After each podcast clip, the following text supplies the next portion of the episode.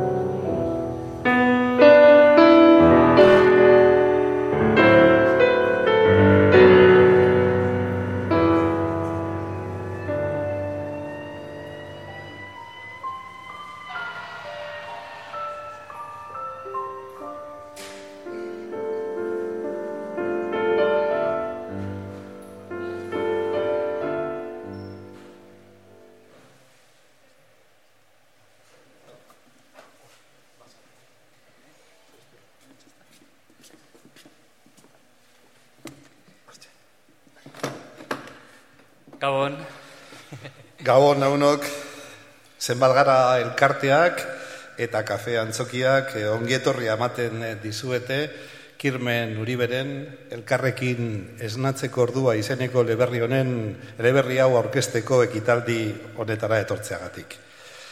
Egilea, ikusten duzuenez gure artean dago gainera, eta berari ere ongietorria eta eskerrak ematen dizkiogu gaurko honetan gure gana etortzeagatik. Aldi, era berean, ekitaldia bere musikaz ornitu eta beraztuko duen Rafa Ruedari, atzean dagoen lagunari ere eskerrak ematen dizkiogu, eta kanta batzuk egingo dizkigu berak ekitaldian zehar. Bueno, Kirmen, hasiko gara. Bai, bai, bai. Aspaldiko laguna zaitugu Kirmen, baina azken urteotan ez aitugu oso sarri ikusi, eta lanean murgilduta eta ia bakartuta bizi izan omen zara lagun hori hori kontatu diguzu behitzat. bueno, e, horren besteko lana izan da eleberri hau taiutzea, burutzea? Bai, lau urteko lana izan da, lau urte e, ba, aziginenetik ba, lan hau egiten ez ni bakarrik, eh? baita ere gorka arreze, e, Susako editoria asko lagundu dit, ba, aziera ziratik, eta berari idatzi nion ja, e, musi argitaratu eta durangoko azoka eta gero, 2008an jaberari idatzen nion e-mail bat esaten begira. Hau egin nahi nuke, nola ikusten duzu, eta ia eginen lanean, gero familiako er, ekin jarri ginen kontaktuan, artxibat egitara joan, beraiek ere agiri asko zituzten etxean gordeta, eta argazkiak, eta horrek asko lagundu du, asko erraztu du e, nire lana. Orduan, ba, bueno, ba, ba, hortan ibili naiz, lau urte full time. Beraz, buru belarri horretan. Bai, buru belarri. Bueno, ba, liburua irakurrita daukagu, aztertutare bai, galdera batzuk prestatu ditugu, baina horretara baino lehenago, ondo baderitzazu, ba, Rafari irteteko eskatuko diogu eta kanta bat egingo digu berak. Rafa, mesedez, nahi duzunean.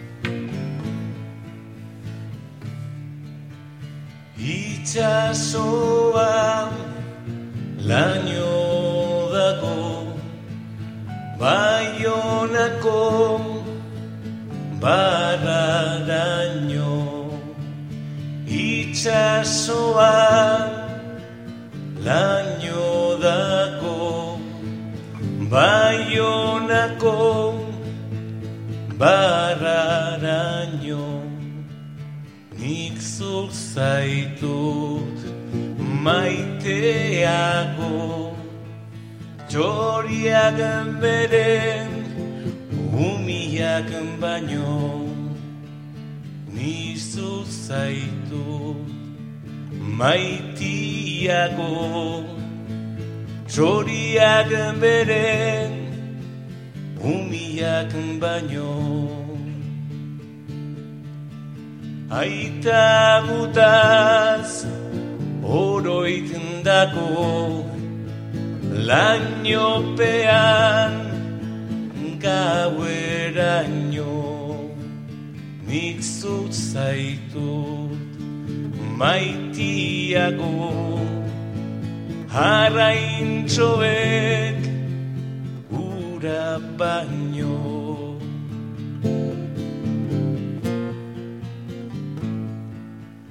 Afarian zuan dago Bero, bero, zarrindino Nik zuzaitut maiteago Aeguronak zuan baino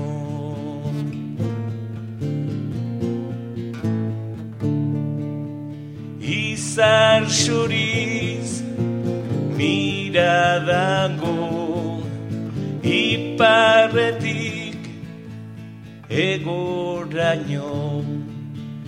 Nik zuzaitut maitiago Ilargiak gaua baino. Loe izulo, egizulo, Beskantzuan bihar artio, Nik zuzaitu maitiago, Gau beltzian loban baino.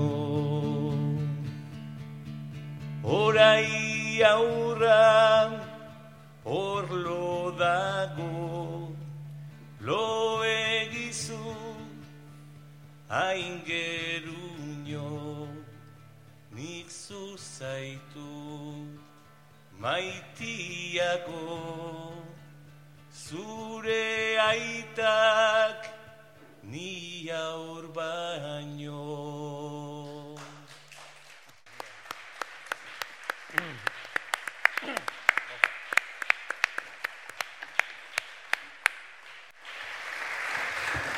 Eskerrik asko, Rafa. Berriz izango da, Rafa, gurekin.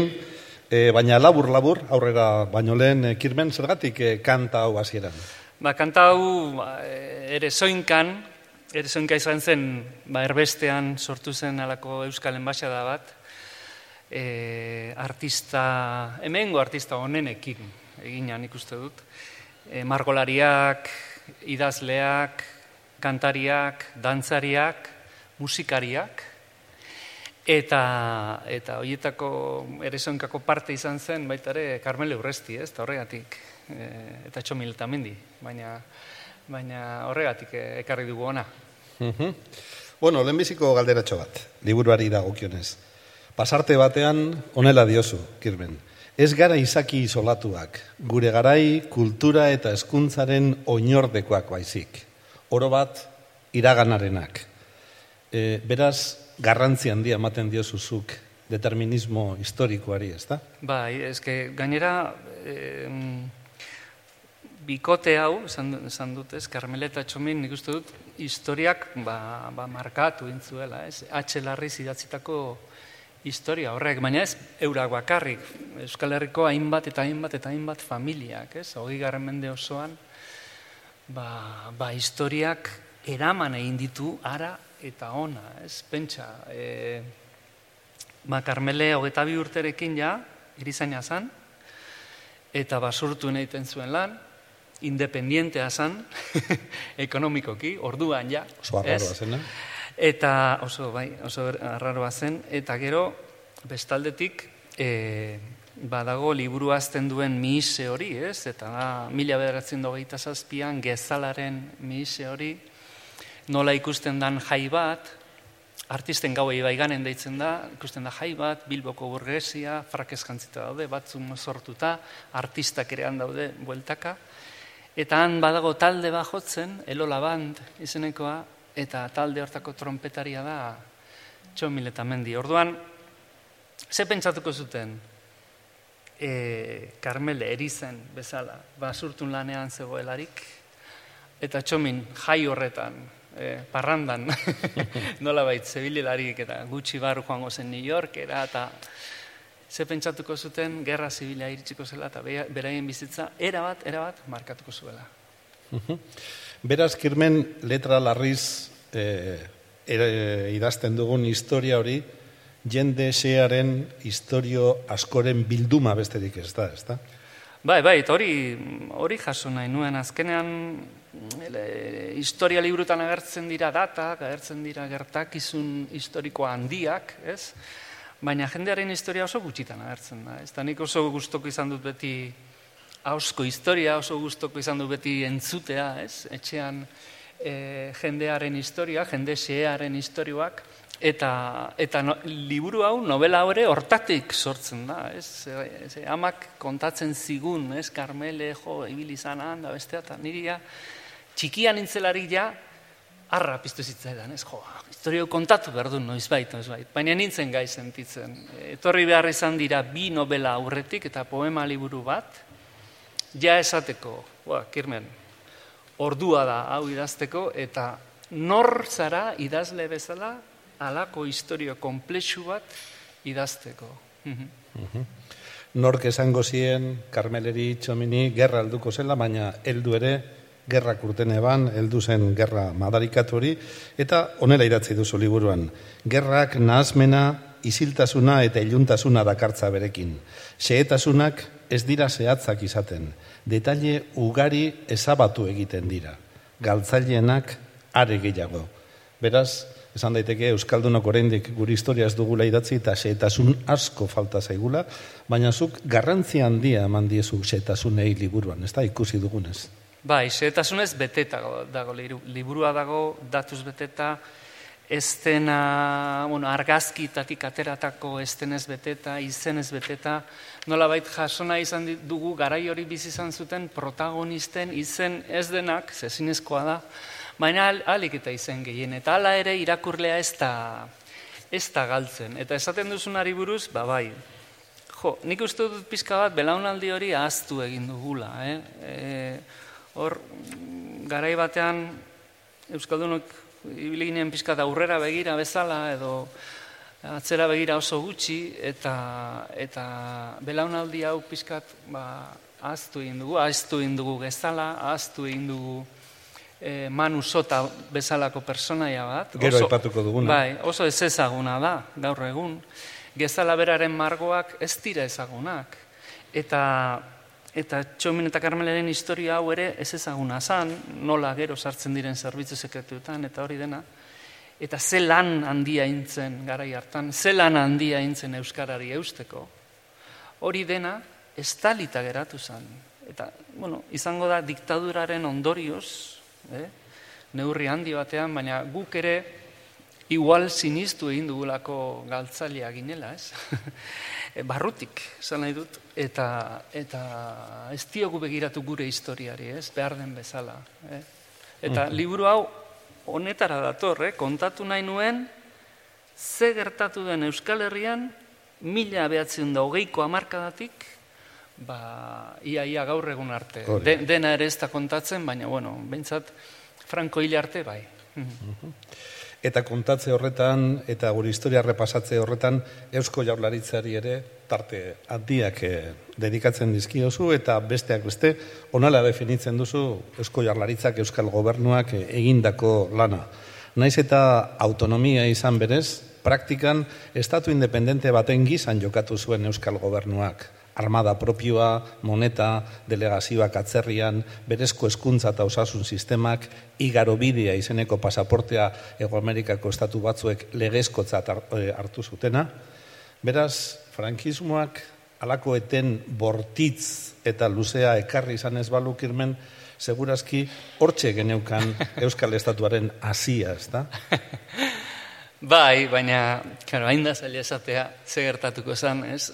baina nik argi ikusi dudana da, eta liburu alantzean, eta ze, zelako ilusioa zeukaten da, zelako sinesmena zeukaten garai hartakoek, ez? Ba, ba, Euskal Herrian, eta Eta ikaragarrizko baikortasunez eta energia handiz egiten zuten, ez? Naiz, ikusten zuten Euskal Herria besteen mailako, eh? mundu mailan beste herri bat, eta agirre eta bere belaunaldiaren ikuspegia pizkat hori izan, ez? Eta begira, gobernua bakarrik, bueno, gobernuak egin zuen, hori, pasaportea egin zuen, moneta egin zuen, Euskara ofiziala bihurtu zuen, da. unibertsitate bat egiteko plan bat egin zuten, bueno, baina hilabete batzuk izan ziren.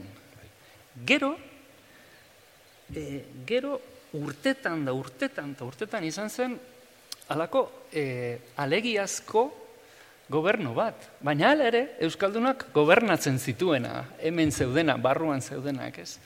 Eta, eta gero oso polita da ikustea nola, nola borrokatu zuten, ez? Nola, bueno, ba, manusota baten lana adibidez, nola mila batzen de berrogeian, e, hor, badago pasarte bat, ez? Nola txomiletamendik lagundu egiten du e, itxasontzia hartzera New Yorkera joateko eta han Euskal Delegaritza montatzeko. Eta ja, iritsita, ja, egiten duena da, etxe zurira joan, umetxo batzuekin, eta ator-ator kantatu euskaraz. Pentsa, zelako... Eh, Ausardia. Ausardia zeukaten. Sekulako. e, beste puntu bat, zu artista zaren alderditik, e, idazlea zaren alderditik jakina horri garrantzi handia ematen diozu, nolabait da orduko, eta zuk zeuk aipatu duzu dianik, mila behatzireon dagoita zazpiko kuadro hori, margolan hori gezalarena, ez da? Artistak ibaiganen daudeneko hori, ba, nolabait e, sotatarrek eta orduko oligarkiak, edo oligarkiaren zati batek, nahikoa babestu zituen artistak, pensalariak, margolariak, idazleak, e, hori hautsi egin zen, ez da, bere ala. Bai, hautsi egin zen hori, eta hautsi ziren hainbat eta hainbat gauza, ez? Hautsi zen pizkunde oso bat.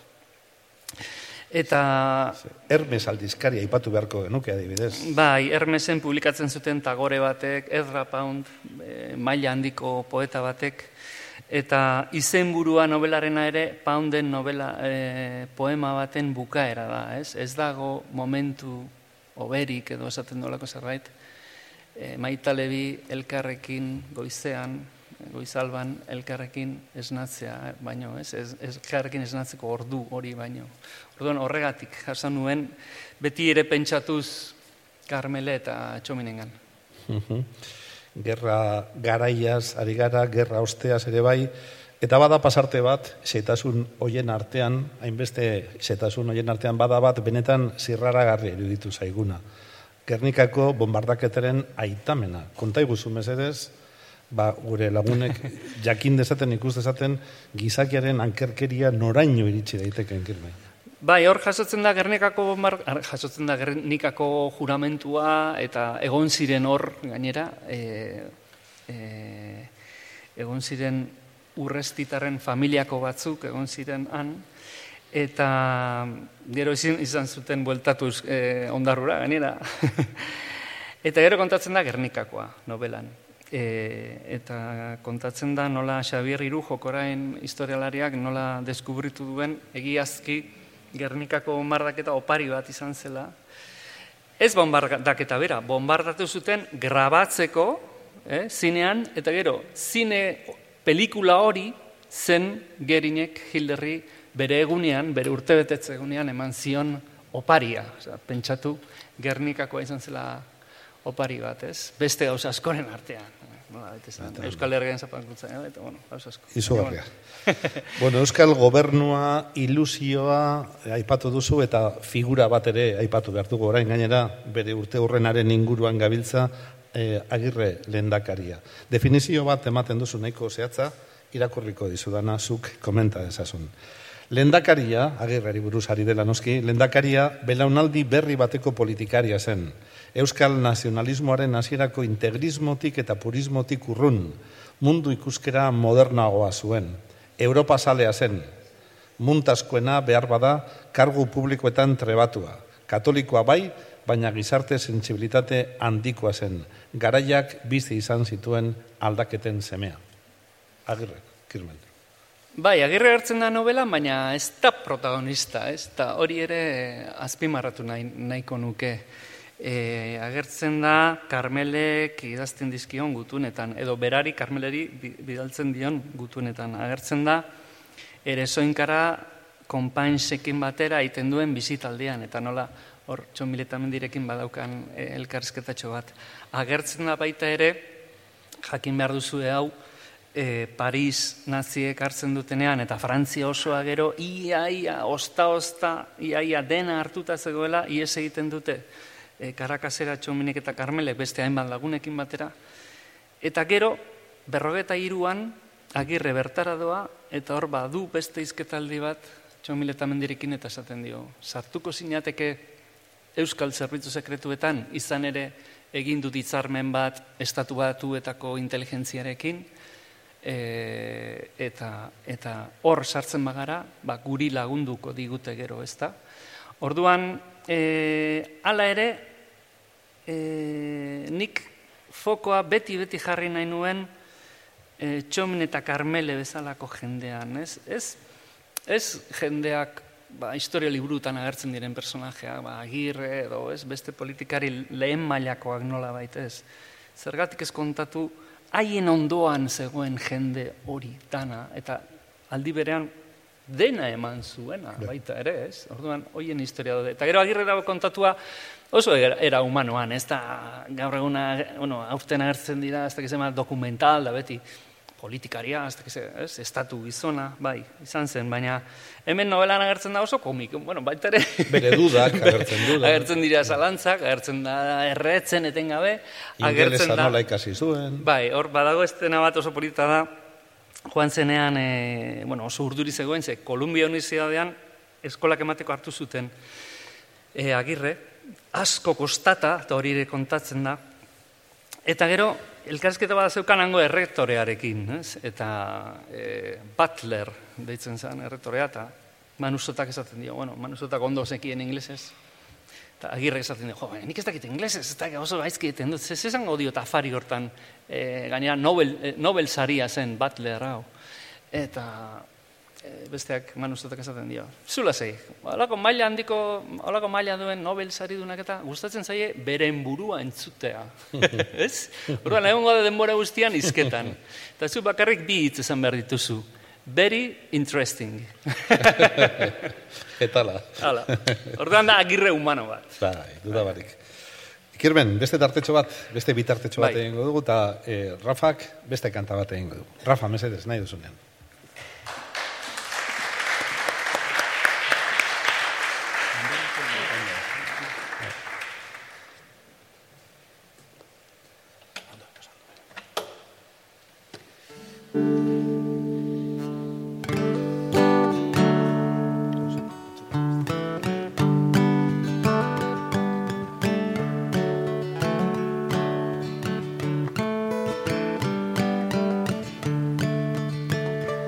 Land is your land, this land is my land.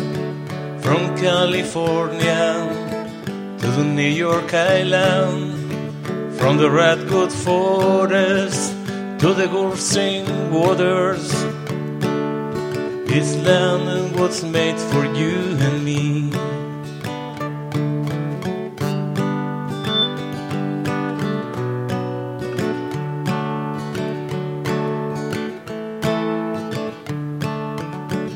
As I was walking that ribbon of highway, I saw above me that endless skyway. I saw below me that golden valley. This land was made for you and me.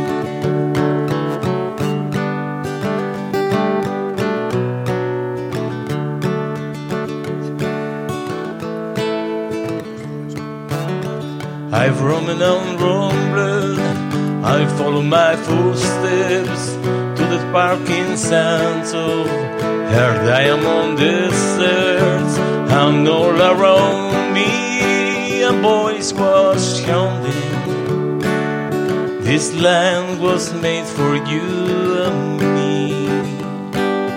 This land was made for you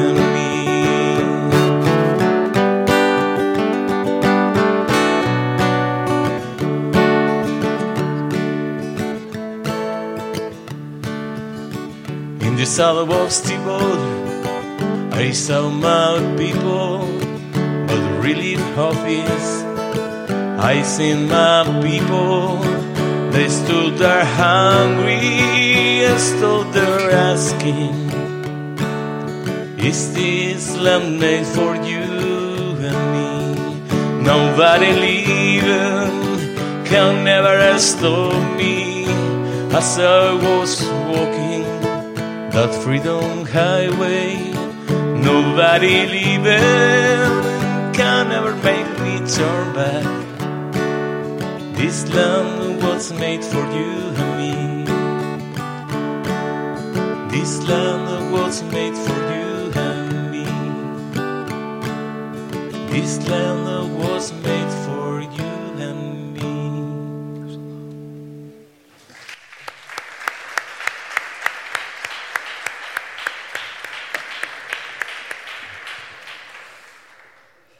Eskerrik asko, Rafa, berehala itzuliko zaigu, beste iruzpalau galderatxo, eta berriz izango dugu, Rafa.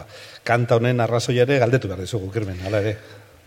Bai, hau da, Woody Guthrie'ren kanta bada, garai hartako berroi hamarkadako, bueno, aurretik, eh?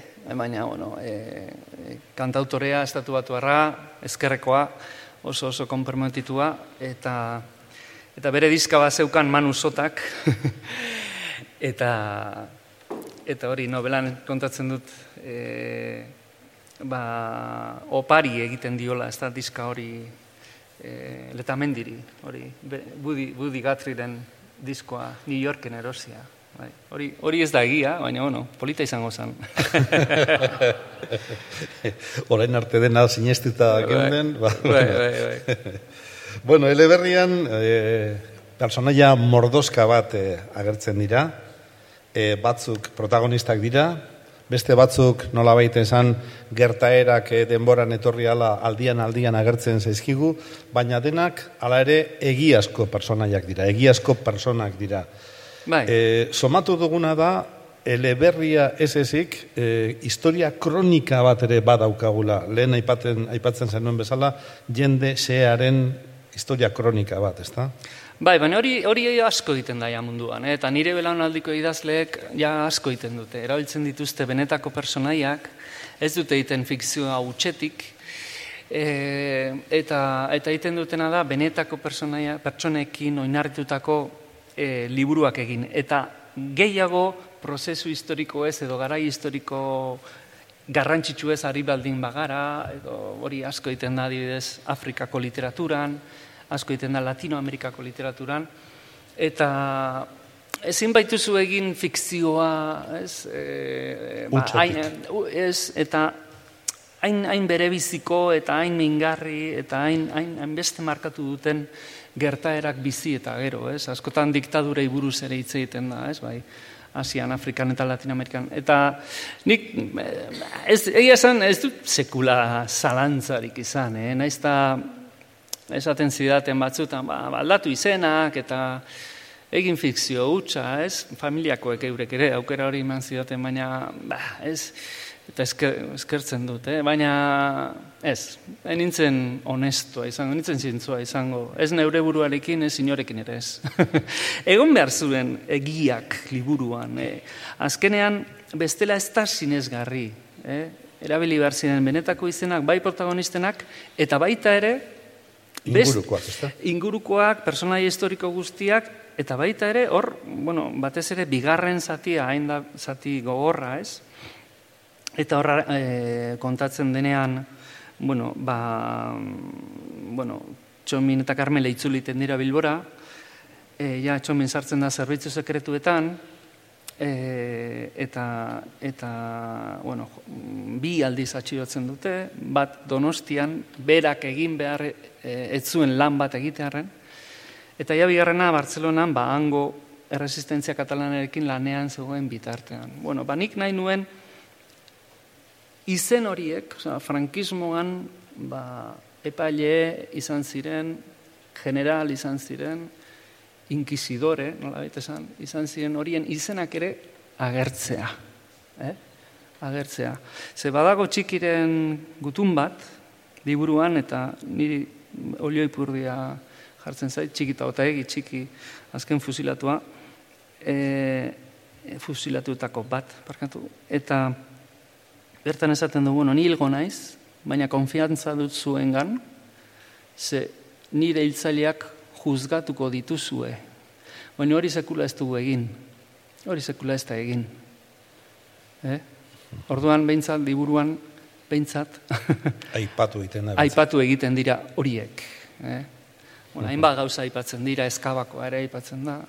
Bueno, eskabako iesaldia, zeran egon zen Karmerenen neba, Josu, eta, eta beste az, gauza, bueno, gauza asko daude. Irureun da berroita marrorrealde dira, beraz. bueno, ez dugu ari zara kontatzen, eh? Ari zara... bueno, kontatu eh, behar da pixkat, ez? Ez dugu eh, hemen eleberriaren argumentu osoa kontatuko inondik ere, baina bai esango behintzat, protagonistako batek, ba hori, Euskal Zerbit, Zerbitzu Sekretoietan buru belarri sartuta eta koi maila batean ere ibili zela. E, benetan garrantzi handiko lana egin zuten dena emanda, dena arriskuan jarrita, lehenengo eta bat, beren bizia eta zenideena, ez da?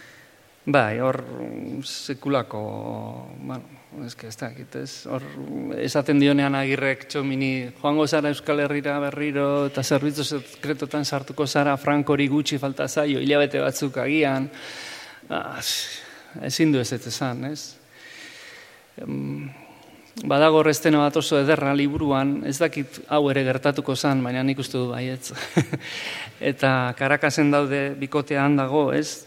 Eta Karmeleri izaten dionean txominek, ba, joan behar dutela bueltan, ba, Karmele pentsatzen du seme alabengan, da normala da, eh? Esaten du, ze lehantasun ditu gizon honek, ez? Euskal Herria gaineti dago, seme alaben gaineti dago.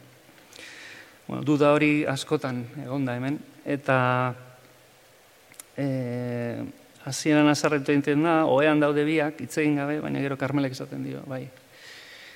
Bai, bueltatuko gara. Ez, denok joango gara. Denok joango gara. Eta gehiago esaten dio, esaten dio, nahiko nuke, pertsona guztiak zulakoak balira.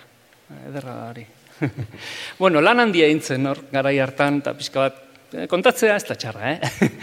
eta gauza, ezke liburan, e, umoreare asko dago. Ez da dena, bueno, oso gogorra, pasarte gogorra daude, baina umorea eta xarma handikoa da baita ere, ze beraiek olakoak ziren. Eta, mm, bueno, adidez, zerbitzu sekretuak, ba, bueno, jende normala ziren, eta badago hor pasarte bat oso polita, nola, ba, inglesek, Bilbon bazuten talde bat, ez? Espioi inglesek, eta eskatzen diete Euskaldunei, ba, eskualde normalean korreo lana oso ondo egiten zuten, Europa guztira eta Amerikara. Eta, jo, ba, korreo hau eraman behar duzue posta hau Madrilera. Eta, mm, esaten diote, bai, bai, fijo, ba, gu ez dago arazorik. Eta ze, noizko eta, bueno, ba, alik eta lasterren, bale. Ez dago arazorik. Ordu, uste dut Flavio Ajuria Gerra zala hori entzuena. Baiezko em- esan zion inglesari, baina gero berak etzekien nola egin, korreo lan hori. Eta gogoratu zen, ze kontrol asko zeuden, da gogoratu zen txir, txirrindulari bate, batekin, Dalmazio Langarika, eta hau izan zen gero, e, Txapeldun bueno, txapelduna, txapeldun handia. Eta esan zion, bueno, Dalmazio, joango zinateke Madridera zure bizikletarekin eta hau eraman. Eta horrela, horrela jokatzen zuten. Esan nahi dut, ez, askotan pelikulekin eta pentsatzen dugu, baina ez, hain jende normala, jende normala. Bere bizitza eman zutenak, baina jende normala, normal, normala, ez? Edo beste pasarte badago, Noel Baker, e, ba, etortzen da e, diputatu laborista bat ikustera ze modu zegoen erresistentzia hemen eta bueno, ikustera ba, ia Franco debil zegoen edo fuerte zegoen eta bueno, Euskaldunek antolatzen dute bueno, Noel Baker in, impresionatu behar dugu. Orduan egiten zuten, beti eramaten zuten Noel Baker auto batean, baina bide, bide zidorretatik, ez bide nagusitatik. Orduan, ba, hori ez, oso herri, herri, herrietatik, ez, ba, eta herrietan ba, jendean agertzen zen, ba, ikurrinarekin eta eh, resistente jantzita, eta horrela egiten Noel Bakerri, errepide alboan, eta eta uste dut elgetan, ba, sekulako harrera inziotela, eta hori, eta bestea, ez da. Noalbek esan zuen gero baionan agirreri esan zion, jo, ze, baina ze, franko erortzear dago, ze, jendea kalean dago, e, eta dena zen antzerkia, ez? baina, bueno, holakoa ziren. Alaiak ere bai. hori da. Bueno, venga, beste tartetxo bat musikari, Rafa Mesedes, irugarren kanta eta segituko dugu.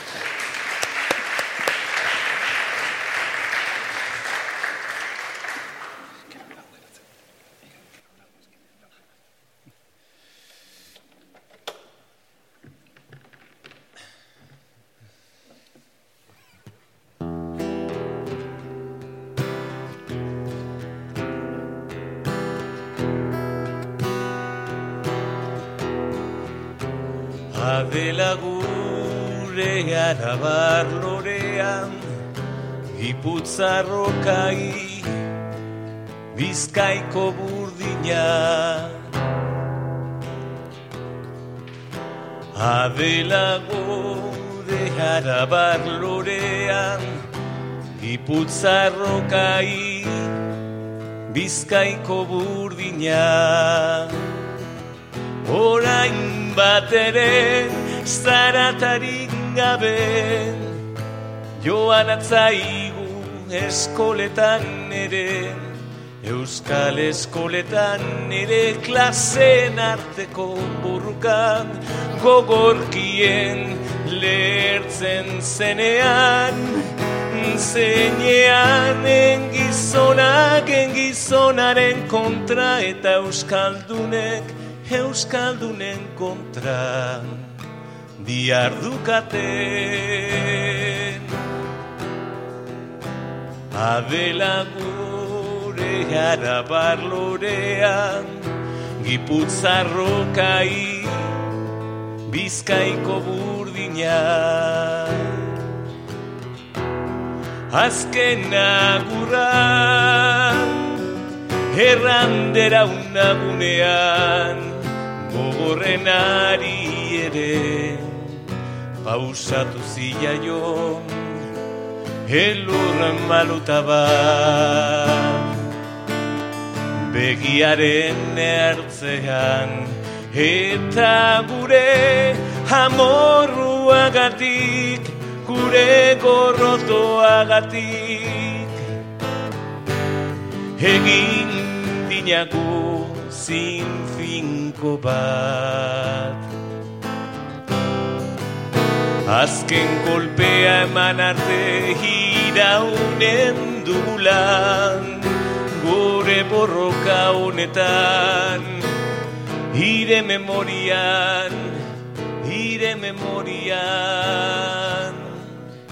Adela gure arabar lorean Giputzarrokai bizkaiko burdina Hain simple, simplekin joan atzaigubi Adela geuria, adela herria Adela berria, gure adela gorria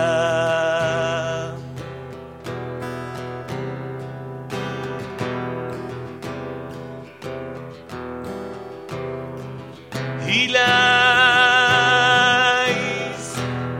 Lanik eta soldatarik gabe. Esploradorek Zeruan goianetan Lurrean behan utzita. Hilaiz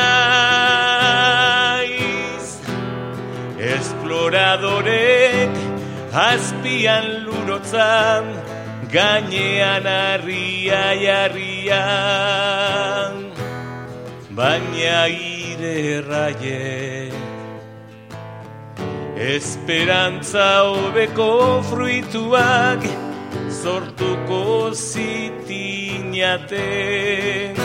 Ire bularretako esnen biziaz helduko direna.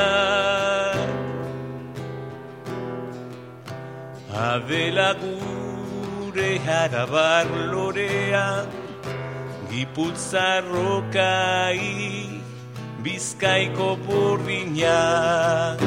Hain simple simpleki joan atzaigui adela geuria adela herria adela berria gure adela gorria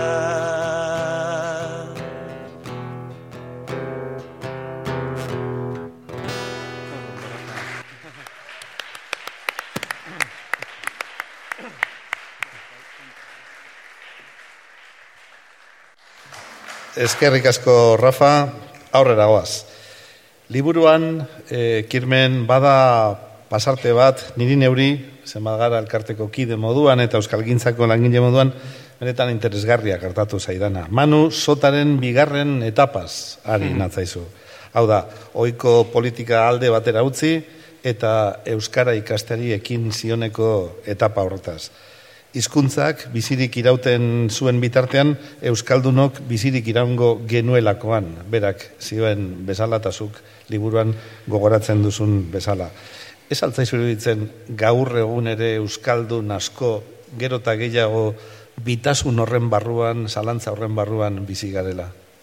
Politika aktiboa, politika ofiziala eta euskaldun nola mantendo euskaratik euskalgintza Bueno, Euskara, bueno, nire kasua, bueno, ez, nintzako Euskara bizitza da, ez? Nire bizitza da. Eta alasia izan zen manurentzat, gero, esan behar da, decepzio handia izan zela, ez? E, aliatuen kin lan egin ondoren, hori Noel Baker eta hori dana, gertatuta gero, e, bueno, ba, aliatuek erabakitzen dute Franco ba, ba ez botatzea, ez? E, promesoi guztiak hor geratzen dira, eta nolabait berrogeta mar urtean, ba izaten da agirreren ametsaren gainbera edo bai. eriotza, eta decepzio handi batean sartzen da agirre, eta urte hortan gainera, eta hau esan behar dut, ba, ba txomin letamendibera hile egin zen, ez? Hile egin zen, ba, bueno, sekulako, ba, tratu eskasa, tratu txarra jasota gero ba, hainbatetan, hainbatetan, hor, hainbat eta hainbat agiri lortu ditugu, eta bueno, familiakoak asko zituzten, ez, ze, ze, zelako, bueno, ez, persona, e, ba, Zelan deusestu zuten bai, bai, eta zan ikaragarezko persona energia handikoa, ba, bueno, ez, musikari bat, ez, ez dakit, eta eta duzestu egin zuten. Eta hor, kontzidentzia hori ditzako importantea, ez berrogeta marrean justo, agirreren ametsa ba, desegin egiten da, babesik gabe geratzen da Euskal Gobernua diruri gabe eta desagertu egiten da, ez? Nola bait, ba, agenda, munduko politikarien agendatik horri egiten da txomin, eta Karmelek erabaki bat hartzen du, Eta horregatik kanta hau entzuten ari nintzen betartean, ez? Azkenean da, lehengo euskal kanta feminista, ditxu gara bera. Eta Karmelek erabakitzen du e, seme alabak ikerne, txomin eta e, e, patxi hemen utzi, eta bera bakarrik itzultzea, karakasera. Ezin baitzuen hemen lan egin, zorrazko zituen bere gurasoek, e, ze dena galdu zuten gurasoek erran, da izun handiak zituzten, Orduan erabakitzen du familia aurrera ateratzeko eta izun horiek ordaintzeko karakasera joatea bakarrik. Eta da, eske, oen, pentsatzen dut, sekulako emakumea, ez? Lehengo, independentea da, erizain gisa. Gero, ezagutzen du txomin, bera baino amabost urte zaharragoa dena. Maite mintzen da. Aurdun geratzen da, eta berak erabakitzen du umea ukitzea, ez? Ez osea, bera da, bera da bere buruaren jabe, bere bizitzaren jabe, beti, ez? Eta nitzako hori da, ezke pasada da, garai hartan. Bai. Gero, bueno, esaten du, bueno, eskonduko naiz musikari honekin. eta e, gero elkarrekin bizi egiten dira, bueno, itzultzen dira, oso e, momentu zaila bizitzen dituzte, ikusten da hori agirreri bidaltzen dizkion gutunetan erregutu egiten dio, egin zazuzoz, etxominen alde, egin zazuzoz, etxominen alde. Eta gero dator, ba, bueno, bigarren erbeste, ah, ba, bueno, politikoa dena, baina batez ere ekono, ekonomikoa dena, ez? Eta gaur egun nola jende asko tortzen da, emakume asko tortzen dira baita ere, semeala berri gabe, Baina Karmele da novelaren bihotza eta eta benetan indarra handiko emakumea zen. Ze, eske, eske pasada bat. Mila bat ziren, imaginatu hogeian, olakoa izatea. Ez? Olako eh, indarra, erabakia, vamos, o sea, bai, ikaragarria. eta gero, hori, Euskararena, bai, bai. bai. E, beste konstante bada novelan, ez? Eta hor, agertzen da garai desberdinetan, gerra aurrean, gerra ostean, eta hor, mm, e, polita dikustea Euskararen historia ere bai, ez? E, hemen etxean bakarrik hitz egiten da, ez da hizkuntza publiko bat, baina erbestean bai hitz egiten dela. Handima ezagutzen dute. Bai, hori da, handima ibina gabeiti hortik agertzen da, e, bueno, bera ere zerbitzu sekretutan ibilia eta, eta karmeleren oso laguna, Eta oso presentzia polita da handimarena novelan. Bai. Ez? Pizka bat da, olako osaba kultu bat bezala. Jo Miranderen laguna, Jo Mirandere buruz ere hitz egiten die ba, ba, irun, irun ebarrebei, eta hor nolabait badago, ez? E, Euskarari eusteko alegin handi bat, ez? Koldo Mitxelen ere agertzen da hor, liburuan. Eta hirugarren zati honetan, ba, txomin semeak erabakitzen du Euskal Herrira itzultzea, eta garaitxu berean, pentsa, antzozolo etxea zen urrestitarren etxean ondarrun, eta aitonak, aitona Francisco egin zuena izan zen, e, etxearen ondoan beste eraikin bat jaso, ikurrina baten balkoia e, forja batekin, ez? Irudikatuz, ez da? Eta hori utzi zuen emazteari euskaraz klaseak eman zitzan, sekula ez zuen eman, sekula ez, zuen eman izan. Baina gero, irurogoiko amarkadan, lehengo ikastola han, sortu zen, antzo solon. e, e, beste neba ez txikiena, bai, txikiena, bai, gaizkak ba, lagunduta, ez? No, no, polita da. Oso polita. Nola, bait, historiaren zikliko ez da? Bai, bai. Bueno, garai hartan iruroiko amarka, baki zuen olako aziren ikastolak. Iaia, ez? E, ilegalak edo alegalak gutxienez. Mhm. Berroita amarreko amarka da, berroita amarreko urteak aipatu dituzu eta iruroikoak ere aipatuko ditugu. Nola bait, e, Eusko, Eusko Jaurlaritzaren Euskal Gobernuaren gainbera, e, txominen beraren eriotza, eta nolabait alako ilunaldi baten ilunpetan edo sartu zen Euskal Herria, ezta? Eta e, etaren sorrera izan zen urte haietan. Eta jakina kontakizunean etaren sorrerari ere heldu behar zenion, nola edoala, bai, bai. gaingiroki bada ere konta iguzu, nola planteatu diozun zeure buruari e, gaia, eta bestalde, kirmen eta galdera atrebentzia ez bada, gure mugetatik kanpo gai hau nola ulertuko duen? Ondo ulertuko dutela, ondo ulertuko dela uste duzu, pentsatu duzu Ez dakit, bueno. Nik planteatzen dut izan zen bezala. Eta kontatu diaten bezala, ba, ba, letamenditarrek kontatu diaten bezala. Ba, bueno, ba, hor badago decepzio handi bat, belaunaldi berri bat dago, beti gertatzen den moduan, ez? Orain ere gertatzen da, ez? Eta belaunaldi berri horrek bestera batera ikusten ditu gauzak, eta eta aldatu nahi du dena, eh, goiti bera. Orduan mundu aldatu nahi du. Gazte mundu aldatu nahi dute, zorionez. eta bueno, ba, gu pizkat ja, ez, baten gara eh, estutzen edo, baina eh, ba, modu naturalean sortu zen hori. Eta hori oso ondo kontatu zidan txomin betamendi semeak, ez? Nola, bueno, hasi ziren paskina banatzen, zutik aldizkaria inpirmatzen eta banatzen, eta behin nola itzuli zen eh, ondarrura, eta oporretan, zeberak e, e, egazkin kompainia batean egiten zuen lan, han karakazen, da, bueno, ba, edo nora joteko aukera zeukan da, erabaki zuen ondarrura etortzean. eta hor ezagutu zuen Andoni Arrizabalaga, eta Andoninekin egin zuen, ba, lehengo sabotaia txikia edo, ez? Eta hori izan zen, bueno, eske hori oso poli, nik ez dut, jo, zinera eraman, zinera eramateko moduko dela. Pasarte asko daude Bai, zinemarako bai, bai, moduko. bai, bai.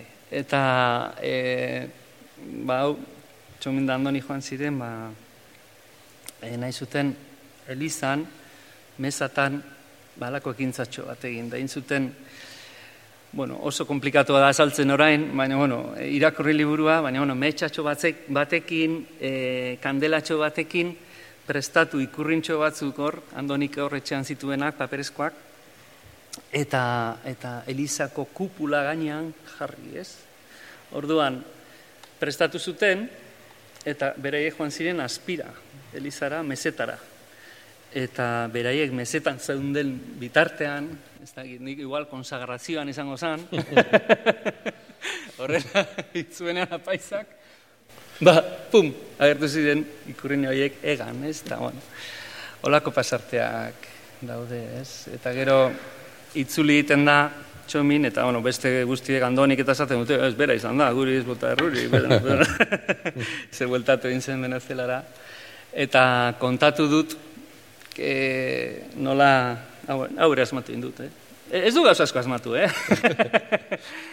ba, avionean doala, hueltan egazkinean doala, ba, e, sartzen duela txaketan eskua, dan dago, dan dauka ikurrentxo bat, ez? Sartu zaiona, oarkabean, ez? Tak.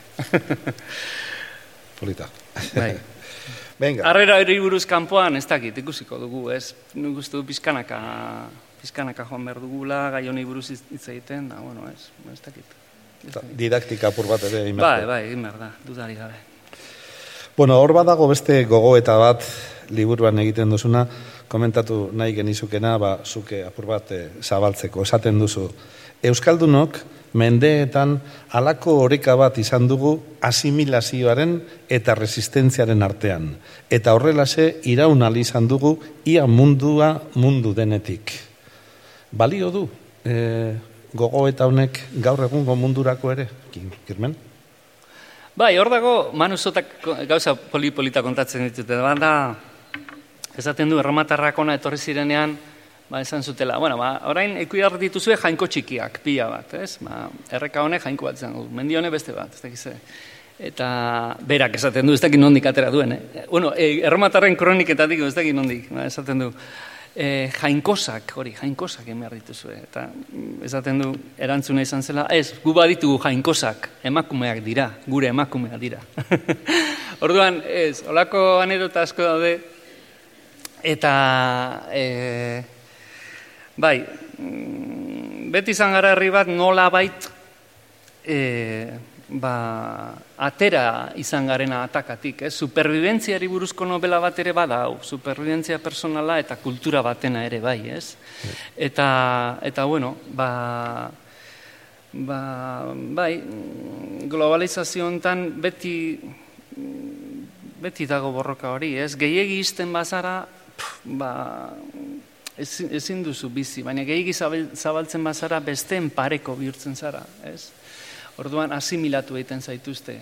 Bueno, nola egin horrela orain aurrera? Bueno, nik uste dut, egin behar duguna da Euskara indartu, hori dudari gabe, Euskara erdigunea bilakatu, gure gizartearen erdigunea, eta duintasuna eman hizkuntzari.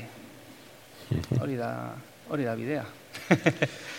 Azken galdera gure partetik eh, Kirmen. Bai. Eh, zure eleberrien, zure eleberrian protagonista bihurtu dituzun persona normal hoiek, hain normalak izan ez zirenak, baina normaltzat hartzen ditugun hoiek, nolabait haien ezaugarri nagusiak aipatu beharko bagenitu, konforme egongo zinateke esan eskero beren ezaugarri nagusiak izan zirela leialtasuna eta duintasuna.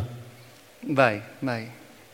Eta eta humanidadea baita ere, ez? Oso, oso persona humanoa dira, oso humanoa dira. Bai. Zerbait irakurreko diguzu, ezta, Kirmen? bai, baina behar du liburua. Badago, ba, bakazu. bueno, irakurriko dizuet, E, pasarte bat, niri unkigarri egiten zaidan, eta da, aitonak, aitonak urtetan eta urtetan bere ondasun guztia galduta gero borrokatu intzuen berreskuratzeko, ez? Bazituen bi itxasontzi, e, antzosolo eta jontxu, eta e, horietako bat jontxu zegoen ba, zigortua han lehorrean, ez? igota, ez zegoen uretan, igota, eta berak ezin zuen hori erabili. Eh? Ba, ere, e, ezin ezkoa zen. Ez? Hainbat eta hainbat urte borrokatuta gero. Orduan erabaki bat hartu zuen, San Juan egun batean. Behar bada zeru urdinean ilargi bete gorritua agerizelako iluna barra hartan. Behar bada Carmenek maestra lanera berriz itzultzea eskatu eta emazteari betiko ezezkoa eman ziotelako. Behar bada arrain garraioaren negozio txiki ere porrot egin zuelako. Eta porrotaren ondorioz Josu eta Jon semeekin aserre aldia izan zuelako. Eta bibiek Venezuelara joatea erabaki zutelako. Edo behar bada karmele alaba alargun geratu zelako eta hau eren eben bideari jarraiki karakas aldera abiatu zelako Marquez de Comillas ontzi madarikatu hartan. Behar bada txomin zuia egoera tamalgarri batean hil zitzaiolako eta haren eriotzaren urte berean azizelako lendakariaren ametsaren gainbera. Nazio batuek Franco birgaitu eta Madrilera itzultzen hasi zirelako mendebaldeko horrialdetako enbaixadoreak. Behar bada lekerika lagun zaharrak Washingtonen enbaixadorea izanik irurogeita bikoma bost milioi dolarreko kreditua erdi etxizuelako Espainiako erregimenaren zat. Behar bada gogaitua zegoelako eguna joan eta eguna etorri, ontzian lako arlampan jontxu baporea usteltzen ikusteaz sekula itxasoratzeko aukerari gabe, barku, humildua. Edo behar bada zergatik ez, anita alaba nagusia Mexikora eskondu zelako, berandu eta gaizki eskondu, eta etzuelako zenarrarekin zoriontsu ikusten, astero igortzen zizkion, kartetan idazten zionaren arabera. Edo behar bada umeek ibaian bainatzea debekatuta zutelako eta aurrak igerian zeuden bitartean, moilan usten zituzten arropak, hauazilek uretara berariaz botatzen zituztelako arropa guztiarekin zebilen ari izuna jartzeko. Eta behar bada dena debekatuta zegoelako urte haietan den dena behar bada horresegatik hartu zuen erabakia Francisco Urrestik. Herri osoa hobete hortzutziko zuen erabakia nork eta berak. Mediokritatea jasan ezin zuen gizonark. Etxeko lioti begiratu eta galipota kalean gaizki jartzen zuten langilei agirika egiten zien agure ark. Oliategia plano ingeles batzuk behatu eta bere esku ez eraikitzeko nor izan zen makinari ark. Erbestetik itzulezenean zerura goian lurra behan lagazuten bihotz nekatu ark, mila bederatzen onda berrogeita mairuko San Juan bezperan, umeek zuak egiteko trasteak biltzen ziar duten arratzalde luze hartan jendea San Juan ikantaria ari zitzaion iluntze berean, damuri gabe, zalantza izpiri gabe, etxepeko lantegian gasolina potoa hartu eta noizbait familiakoa izandako ontziolara joan zen, bidean geldi arazi nahi zutenen, zutenei aurre eginda, inori aurpegira begiratu ere egin gabe zuzen irmo eta han potoa zabaldu eta arlanpari atxikita zegoen jontxu egalu zehontzia gasolinaz guzti zuen. Mela, melena, mela mela eginda utzi gasolinaz bai, amorrazio osoz. Behar bada geratzen zitzaion indar apurra bertan xautuz. Bere atorra zuria ere gasoil orbanez betez. Eta birritan pentsatu gabe lastarkia izeki eta ontziko karel artera bota zuen. Gerra garaian herriko jendea babesean jarri zuen ontzi ura semeak iparaldetik onik ekarri zituen txalupa, ontzi bati ezar dakiokeen zigorrik ankerreena lehorrean lotzea nozitu zuen baporea, ura kiskali egin zuen. Frantziskoren betaurreko biribiletan sugarrak izlatzen zitzaizkion bitartean, alako bake lipar bat sentitzen hasi zen.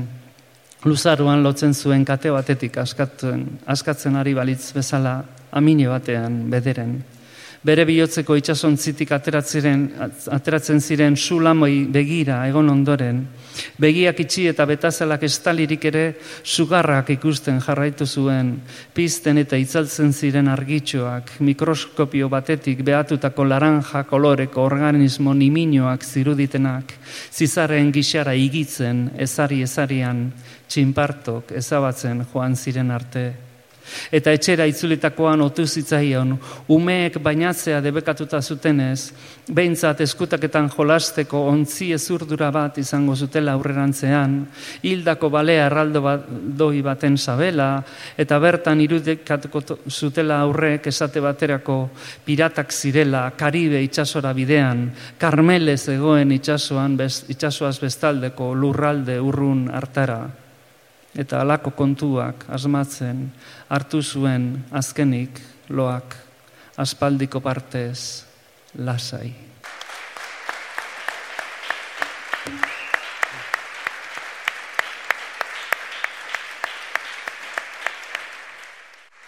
Ezkerrik asko, baraitxamen e, e, barazena zenitarteko batzuk nahi bozu ez esan edo... Eh? Amen dizabize? Ia, esan zuze. Bai, baraz, ia, etorri ba. Etorri, etorri, ia, txalo bat eurai.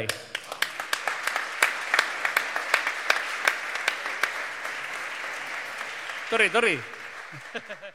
bueno, hemen daude Ikerren letamendi, Txomi letamendi eta Patxi letamendi urresti. Eh, bueno, ia, zoz esan, ia. Honi berrizko monjetan sartu ninduen amak Ameriketara juteko. Eta torri zan ni agurtzea, da, nik negar baten. Eta nik orduan hain rebelde bihurtu nintzen, aita hilda, ama Ameriketara. Eta agurtzea torri zanean, ekarriztan opari bat, ba, txokolate pixkat eta horrela, eta ama junda segituan monjaken du ustien. Eta ni orduan morratuta, e, ikeneban Frankoren sigilua, hola bagi, eta jartzen eutza zen, nire ustetan, kakamoko orduak zirena, kolako zirri borroak, eta nik orduan betaurrekak erabiltzen ditun, eta pintzen eban zeil hori denak kakazbeteta mentxe, eta juten izan jaunartzea, eleizara. Zeilo hori buruan begian neukala. Eta, klaro, espulzain ninduten.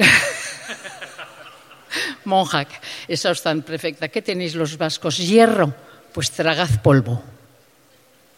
Da gero ba, junintzen Irlandas, Irlandesan kolegioratan, pixkat baretu nintzen. bueno.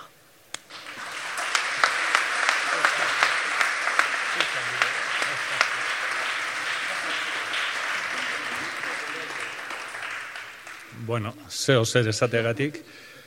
Eh, hemen kirmenek emoin da ben eh, hor esposizioan, ba, apur bat ebiskat galdu inaz, porque ematen du eta galdera pealan izan dira, badana da, ba, agirre lendakaria, sota, jente garrantzitsua.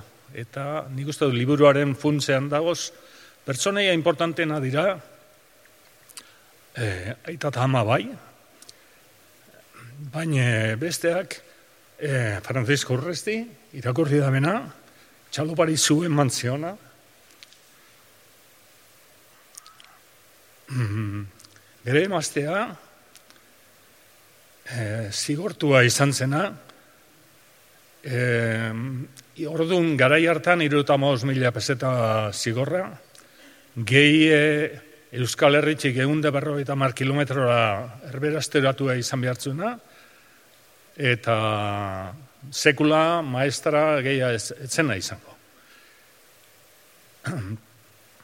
Beste personaia garrantzitsua dira, ze, karo, konturatu behar gara, e, ondarrura sartu zirenean e, honek e, indar nazionalek, ba, antzozolon bizi ziren, aitona, amona eta semea laba guztikin. Ba, gerra onai sartzen diren momentuan, aitona preso sartzen dute, Josebak eta Josuk ies egiten dute, eta handik gero, denbora gutxira, liburu nagertzen da, ba, Francisco semebia izatea, zu amen etorri behar zure, en, buelta behar duzue, gudaria behar dira, eta semebia bueltan etortzen dira. eta semebiak, ba, bata batalion e, rebelion dela Sal, eta bestea e, itxasalden. Eta gero, gerra bukatuta gero, Joseba jongo da Frantzira, ero iparraldera, bueno, e, e, Frantzira zandoz, e, gero aitona eta mona eta ondarrutik kanpoa bizaldu zitzu esen, eta gero Europa guztian zehar ziren. Azkenean jetxi ziren e, larrezorora. Baina Joseba angeluko apaiza zan. Eta angelun bizi ziren e, degreftarrak. Eta degreftarra ziren ba, kometzareko jente garrantzitsua. Darekin batera Joseba buru belarri sartu zen. Eta gero, ba, Joseba, ba, esan diken ezake, ba, izan dela, nire ustez, ba, lehenengoko erbesteratua, ba, sekula etzan, e, e, bueltan etxea etorri, e, ba, hiltzan e, Frantziko Alpes Maritimozetan, eta an, antxiltzena, berroi eta sortzi urterekin. Josu aldiz, preso, ba, eskaban egon zan, eta oso txarto gabe. Osea, famili bat izan zana dana zapustuta, ez. Eta gero, ba, hori, ba, nitzeko personaia importanteak e, oiek dira. Francisco, Carmen, e, Joseba, Josu, ama, aita, eta euran bizipena. Da, baina nahi dut esan hori bai, ba, askori pentsatuko dabe, ba, zerbait. Nik uste dut hori, ba, Euskal Herrian hori gertatu dela, ba, toki guztietan da guztietan. Hau ez da gu letamenditarra lako, erurrestetarra baizik. Eta hau ba, hemen gertatu dan, eta munduan egunero gertatzen ari dena gaur egunin ikusten dugu, eraztu guztiak, ba, holako historiak, bueno, izango dute, mila aldiz e, gogorrauak, eta hori, ba, hori nahi neman esan.